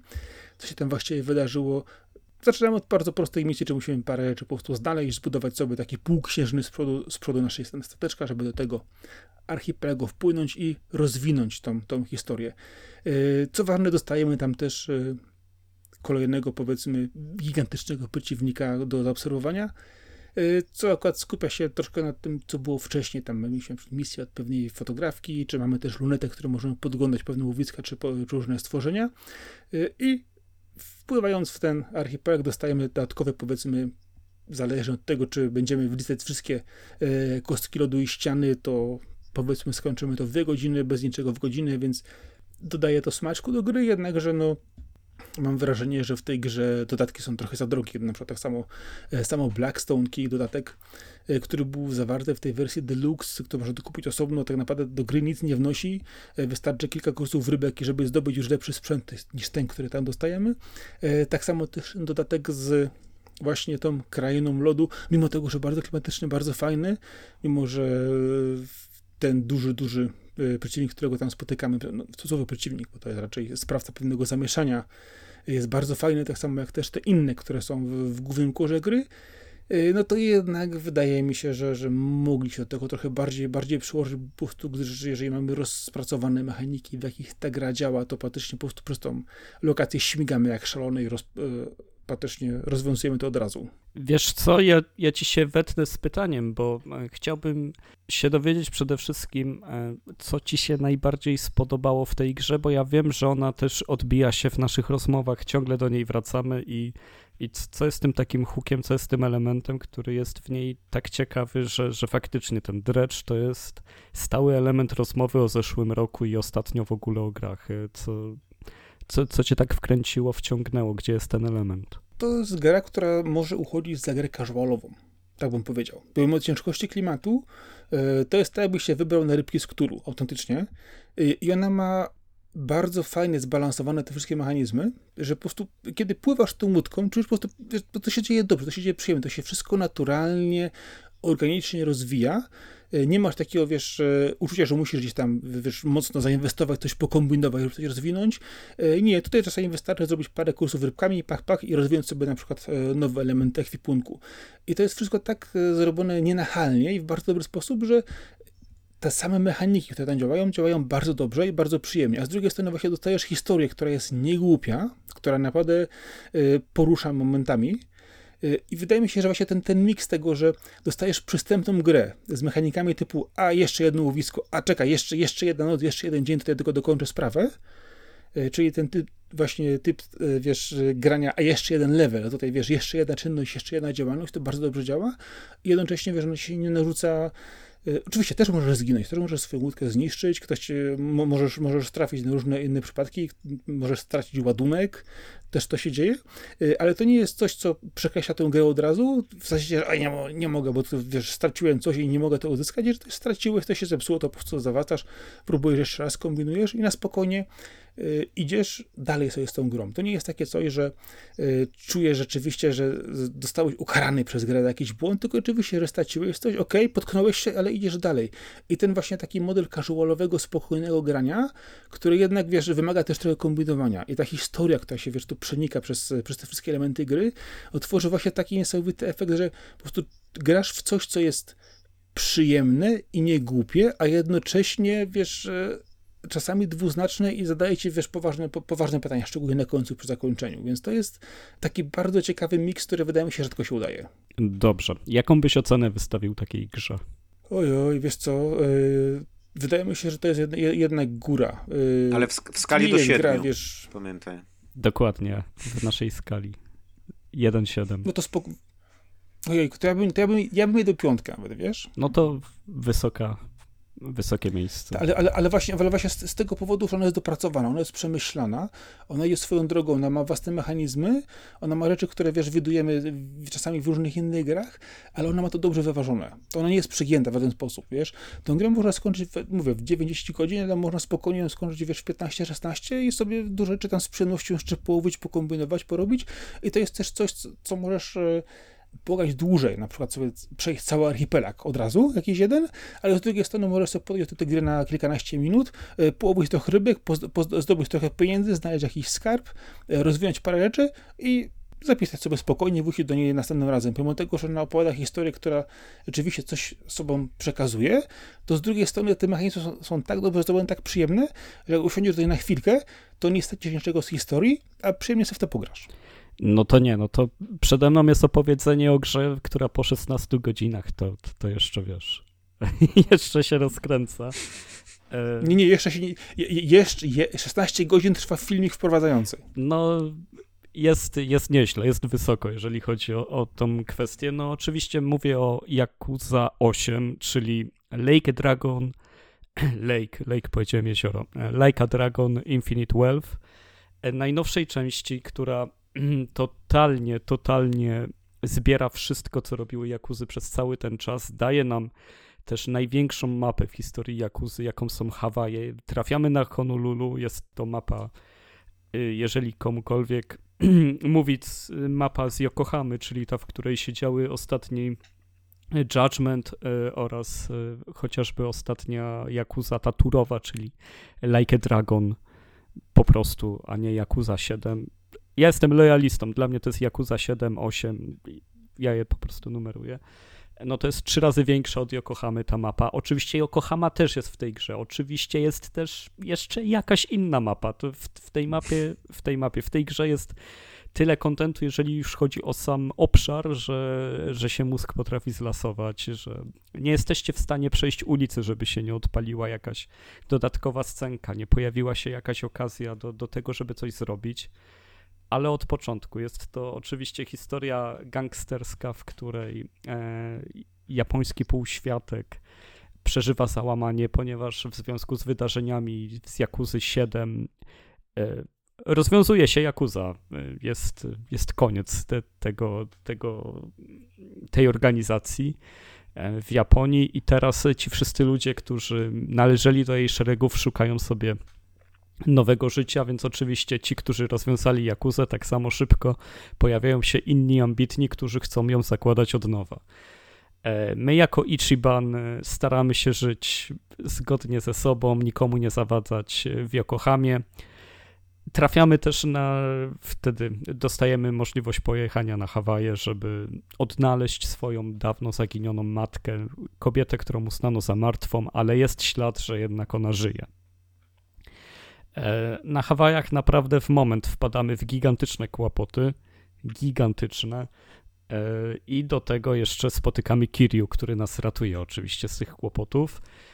I to zderzenie światów tych dwóch protagonistów, Kiryu, który na swoich barkach ciągnął całą serię Yakuza, żeby przekazać ją Ichibanowi, Ichiban dostał całą swoją część i teraz oni razem dostają e, wspólną możliwość bycia razem w drużynie, no bo to jest RPG z systemem turowym walki, więc chodząc po mieście współczesnym, akcja gry się dzieje w 2023 roku, e, wiesz, e, ktoś cię napada, to nagle się odpala, że, że mamy turową walkę, ci ludzie wyciągają, nie wiem, są ubrani w śpiwór, wyglądają jak gąsienice, albo mają założone na siebie worki na śmieci albo, albo wyglądają, no komiczne są te rzeczy, to są wszyscy ludzie, których można by było spotkać na Florydzie na przykład, e, tylko podkręceni. E, no i walczymy z nimi wybierając czary, rzucając summony, e, pobierając przedmioty. Wszystkie te rzeczy z dobrego JRPG są tutaj wsadzone w, we współczesność, co daje świetny, komiczny efekt. Ta gra zresztą cały czas sięga do komizmu. Tutaj bardzo dużo rzeczy nie jest na poważnie poza tym samym głównym wątkiem, który jest zawsze taki na serio, melodramatyczny, wyciskający łzy, pełny zdrady, pełny też śmierci, pełny ciężkich klimatów.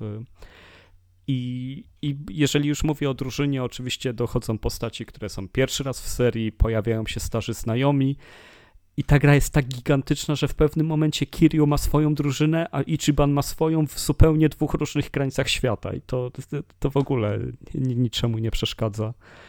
E, podkreślam tę skalę, bo, bo rzadko się widuje coś takiego, kiedy, kiedy gra ma nie tylko tak dużą skalę, ale też oferuje tyle pisania, tam jest tyle dialogu, tyle opisów, tyle ciągłych rozmów. To, jak dobierzemy drużynę, też wpływa na to, jak rozmawiamy. Jak wejdziemy e, do restauracji i zamówimy odpowiedni zestaw jedzenia, przy odpowiednim zestawie ludzi, no to oni zaczną ze sobą rozmawiać. Jeżeli nie zrobimy tego, nie trafimy w ten zestaw, który jest akurat ok, no to po prostu uzupełnią nam się statystyki, dostaniemy jakieś buffy plus ileś do ataku, plus ileś do obrony i odnowi nam się HP, ale jest zawsze szansa na to, że, że poznamy trochę e, osobowości naszej drużyny, a jeżeli dość dużo jej uzbieramy, to zaczniemy mieć lepsze ataki, będą z nami lepiej współpracować, pojawią się automatyczne rzeczy, które pozwolą lepiej walczyć, bo nie będziemy tracić tury na przykład na dobijanie przeciwników, którzy mają skrawek życia, tylko się to stanie automatycznie. E, poza tym e, będziemy mogli chodzić do baru, kiedy dostatecznie się poznamy, pojawi się możliwość tego, żeby razem się napić Postaci siadają, piją alkohol, rozmawiają o życiu, rozmawiają o swojej przyszłości, rozwiązują problemy. Potem idą na karaoke, potem idą na jedzenie, potem trafiamy pod palmy na plaży, gdzie myślimy, że jest gadający żółw i, i przenosimy się na zupełnie inną wyspę. e, gdzie mamy cały resort do zbudowania. To jest to słynne Animal Crossing, które, które było tak szeroko reklamowane, że odbudowujemy wyspę, na której nielegalnie ktoś zrobił wysypisko śmieci więc zbieramy te śmieci, oczyszczamy wyspę, e, robimy nowe przedmioty, robimy nowe lokacje, zapraszamy gości, dbamy o to, żeby goście mieli takie atrakcje, które by chcieli mieć. Potem musimy pogadać z delfinem, wracamy na nim do Honolulu. Tam się dzieje, tam się dzieje reszta naszej intrygi, ale jak wrócimy na tą wyspę, ona dostatecznie wyleweluje, to co się stanie? Pojawi się druga wyspa. To jest ta gra ma warstwy. Tutaj e, w ogóle można by było zrobić cały podcast z tego, że się wylistuje te czynności, które można tam robić. E, nie, nie chciałbym tego przedłużać też, więc e, może za, zanim o coś mnie spytacie, jeszcze tylko powiem, że, że, że na pewno jest to coś, co dla fana serii jest niesamowicie dobrą grą, ponieważ zbiera ten cały bagaż emocjonalny, który był przez tyle lat zbierany no, no i ten naładowany pistolet strzela w tym momencie. On jest. Y, to jest taka nadbudowa, to jest tak potężne. Od 2005 roku trwa ten cykl, pokazuje Kazumę. Z części na części to jest wszystko stała, płynna opowieść, która nie miała rebootu. Nie było, że coś się, wiecie, no, resetujemy, że to już nieważne, że nowy bohater i tak dalej. Tylko Kiryu był przygotowywany do tego od dawna, żeby żeby ktoś nowy przejął po nim pałeczkę, pojawił się Ichiban i teraz oni razem jeszcze jeszcze mają szansę zadziałać. Ichiban jest zresztą niesamowitą postacią. E, jakby wydaje się teraz, że cała Yakuza 7 była tylko po to, żeby go poznać, żeby mógł godnie być e, ramię w ramię stać koło, koło Kiryu w ósemce no, no niesamowity zabieg i niesamowite wypełnienie tej gry wszystkim. Jeździmy po ulicy na takim dwukołowym też sprzęcie, Segwayu. E, możemy rozwozić jedzenie jak w Uber, w Uber Eatsie, że zbieramy hamburgery, dowozimy ludziom, e, zbieramy puszki z ulicy jak bezdomni. Wszystko tu się dzieje. Więc, więc tak, dla fanów to jest totalnie, nie, nie, nie trzeba się zastanawiać. Myślę, że osoby nowe w serii mogą w to zagrać, bo, to, bo ta gra bardzo dużo tłumaczy. One zawsze dużo tłumaczyły, że, że to wszystko jest jasne, co się dzieje, tak samo dynamiki między postaciami i ich relacje. No ale bez tej nadbudowy z przeszłości nie przeżyjecie tego tak bardzo. To już sami dla siebie myślę, że takie minimum, żeby wejść w Jakuzę, to trzeba by było przejść Jakuzę 0, potem można sobie przeskoczyć od razu do szóstki, siódemki i, i, i ósemkę, żeby tak te, te trzy powszednie poznać i, i będzie można się naprawdę mocno cieszyć tym, co tu się stało. Jeżeli chcecie to ominąć, też będzie to dla was świetna gra. Tylko, tylko no, liczba tych smaczków i mrugnięć okiem no, no przejdzie koło was. Chyba, że wstecznie chcecie to nadrabiać, to, to też jest to jakiś sposób.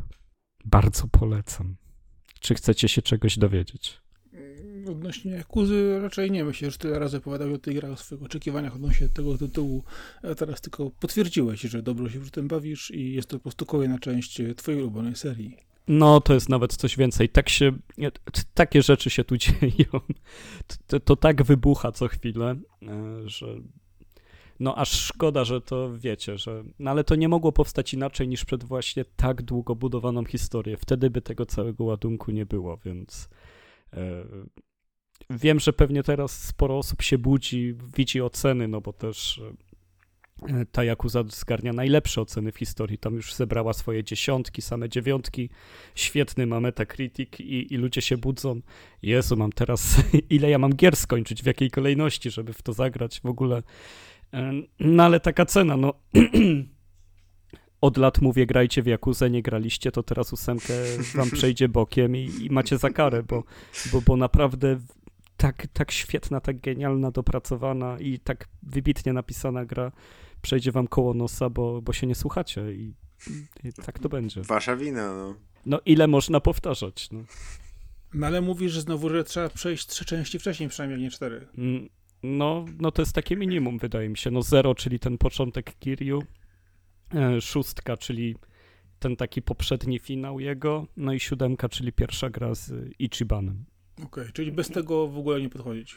E, no nie, no tak ostro nie mówię, że w ogóle nie, tylko no, no to jest takie minimum, jeżeli chce się załapać e, klimat te, tego w ogóle, z kim my mamy do czynienia, bo, bo, bo jak są te momenty, bo oczywiście są tu momenty, kiedy Kiryu się pojawia i ta jego legenda mówi za niego, że on po prostu stoi, ma groźną minę i wszyscy się kłaniają i i, I, no nie poczujesz tego, jeżeli nie widziałeś, co, co Kiryu wyczyniał wcześniej, a ty, ty tylko poczujesz, że faktycznie o, to musi być jakiś kozak, będziesz się domyślać, ale nic nie będziesz wiedzieć naprawdę, co, co można wiedzieć o smoku do Jimy, bez... jak się tego nie przeżyło, jak się z nim na karaoke nigdy nie poszło.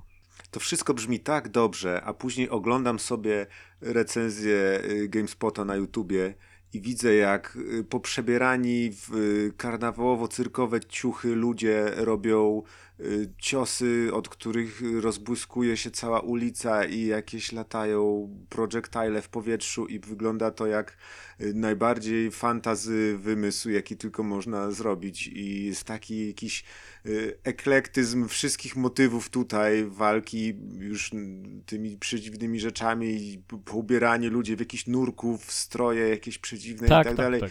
I ja na to wszystko patrzę i sobie myślę, Boże Święty, jak ty opowiadasz o tych jakuzach, to wszystko brzmi tak fajnie, a później ja na to patrzę i myślę, nie, to, to się nie da. Myślę, że ja najbliżej jakiejkolwiek jakuzy, jakbym był, to byłby ten Judgment Y, który jest takim najbardziej mm-hmm. poważny z tego wszystkiego, nie? Jest taką właśnie historią policyjną, bo mi to wszystko się najbardziej kojarzy z y, tym, z, ze Sleeping Dogsami. I ja bym chciał takie Sleeping Dogsy, czyli właśnie niech będzie odzorowane miasto, niech będą fajne bójki, niech będzie klimat mafii, ale niech to będzie realistyczne, a nie to, co się w Jakuzach dzieje. Kiedyś jeszcze miałem plan, nie wiem, to jeszcze była era PS3 i chciałem jeszcze zacząć od tych z PS2 Jakuz, jedynki, dwójki, że może tam jakoś yy, spróbuję czy coś, ale mhm. już tyle tych części wyszło, ja już się tyle tego naoglądałem, że ja już nie potrafię, yy, wiesz, z poważną twarzą patrzeć na Jakuzy, tylko ja już widzę te wszystkie głupoty i stwierdzam, że o nie, to nie, to jest dla ciebie seria, nie dla mnie, nawet już nie będę próbować. E, no na pewno masz rację, no bo komedia i pastisz, to, to trzeba podkreślać, że to jest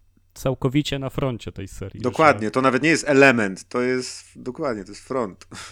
Że poza tym głównym, głównym wątkiem, gdzie te rzeczy straszne się dzieją tym postaciom, no to oni są, wiesz, spuszczeni ze smyczy projektanci. Ale czy to, się właśnie, czy to się właśnie nie kłóci, że z jednej strony masz jakieś emocjonalne, poważne wątki, a później nagle są jakieś ciosy z szampana i yy, jakieś przedziwne postacie i tak dalej? To nie jest jakiś taki dysonans, że nie potrafisz, ja nie wiem, czym potrafił jakby wiesz, podejść emocjonalnie do, do takich poważnych wątków, widząc później, że mam walki jakieś z wybuchami i dziwnymi ubranymi postaciami i tak dalej.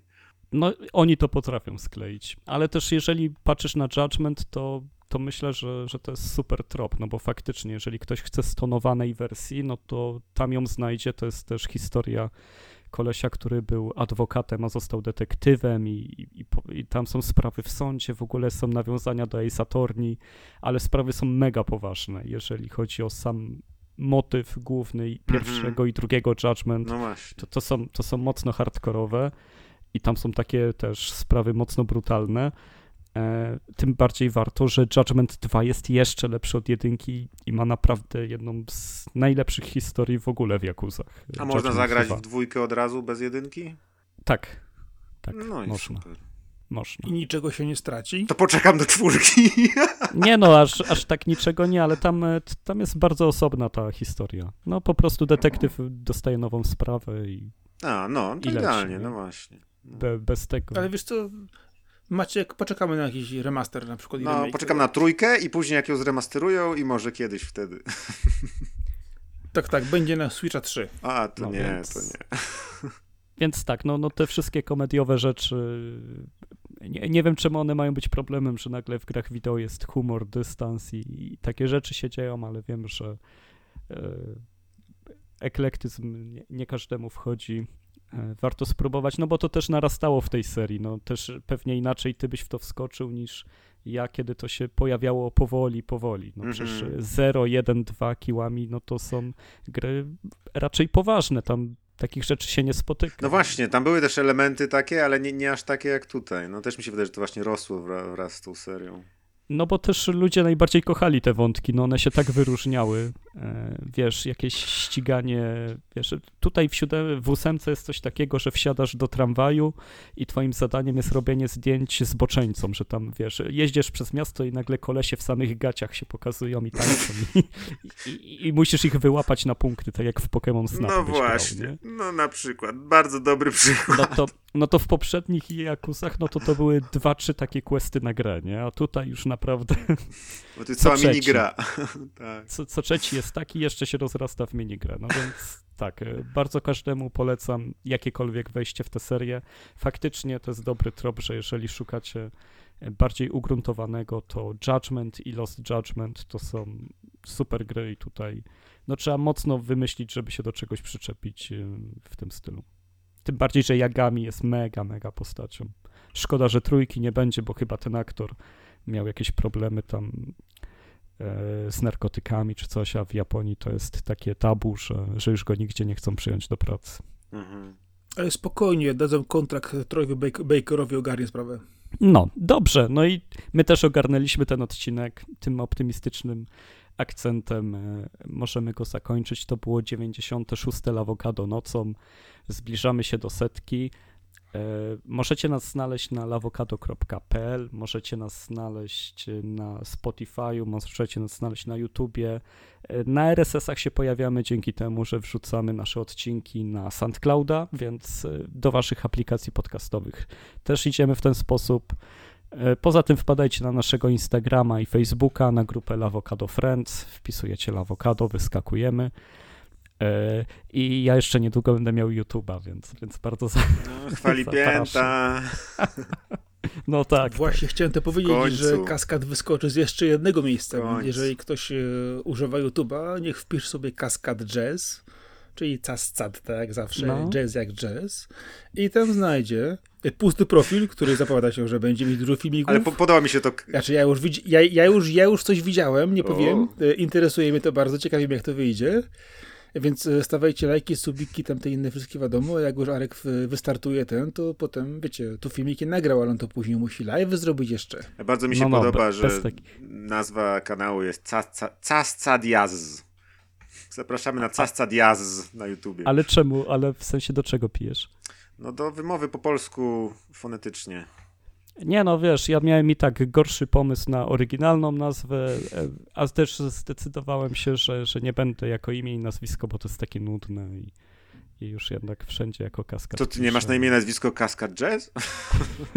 no właśnie. Ludzie na YouTubie Mam, się wszyscy ale ludzie mówią nam Nie ma Kaskad Jazz, ale posłuchaj, jest przez K i przez G. A, no tak, bo jest w końcu w Polsce, dokładnie. Zrobił sobie bardziej takie, wiesz, international ale wersję. Ale YouTube jest międzynarodowy, więc musiał pozmieniać. Okej, okay, to ma sens. No więc wpadajcie, 31 stycznia pierwszy film się zacznie, no i już YouTube nigdy nie będzie taki sam. Nie zgadnę, Call of Duty kampania. No a jak? No wiadomo, a potem Na pewno kampania. I Na Minecraft. pewno kampania. No. A potem jak kuza od początku. Kupiłem, kupiłem specjalnie 07 bandla Jakuzy na Gogu. Ale dobra, kończymy. Bardzo dziękuję Maciek, że do nas wpadłeś. Był z nami Razer. Dziękuję bardzo, dziękuję. Nagrywał ze mną też Marcin Tomkowiak, czyli Sakora. Tak, tak. A ja to już zostałem omówi omówiony, przed chwilą, więc bardzo dziękuję, pozdrawiam, dzięki, cześć, na razie. Cześć, cześć.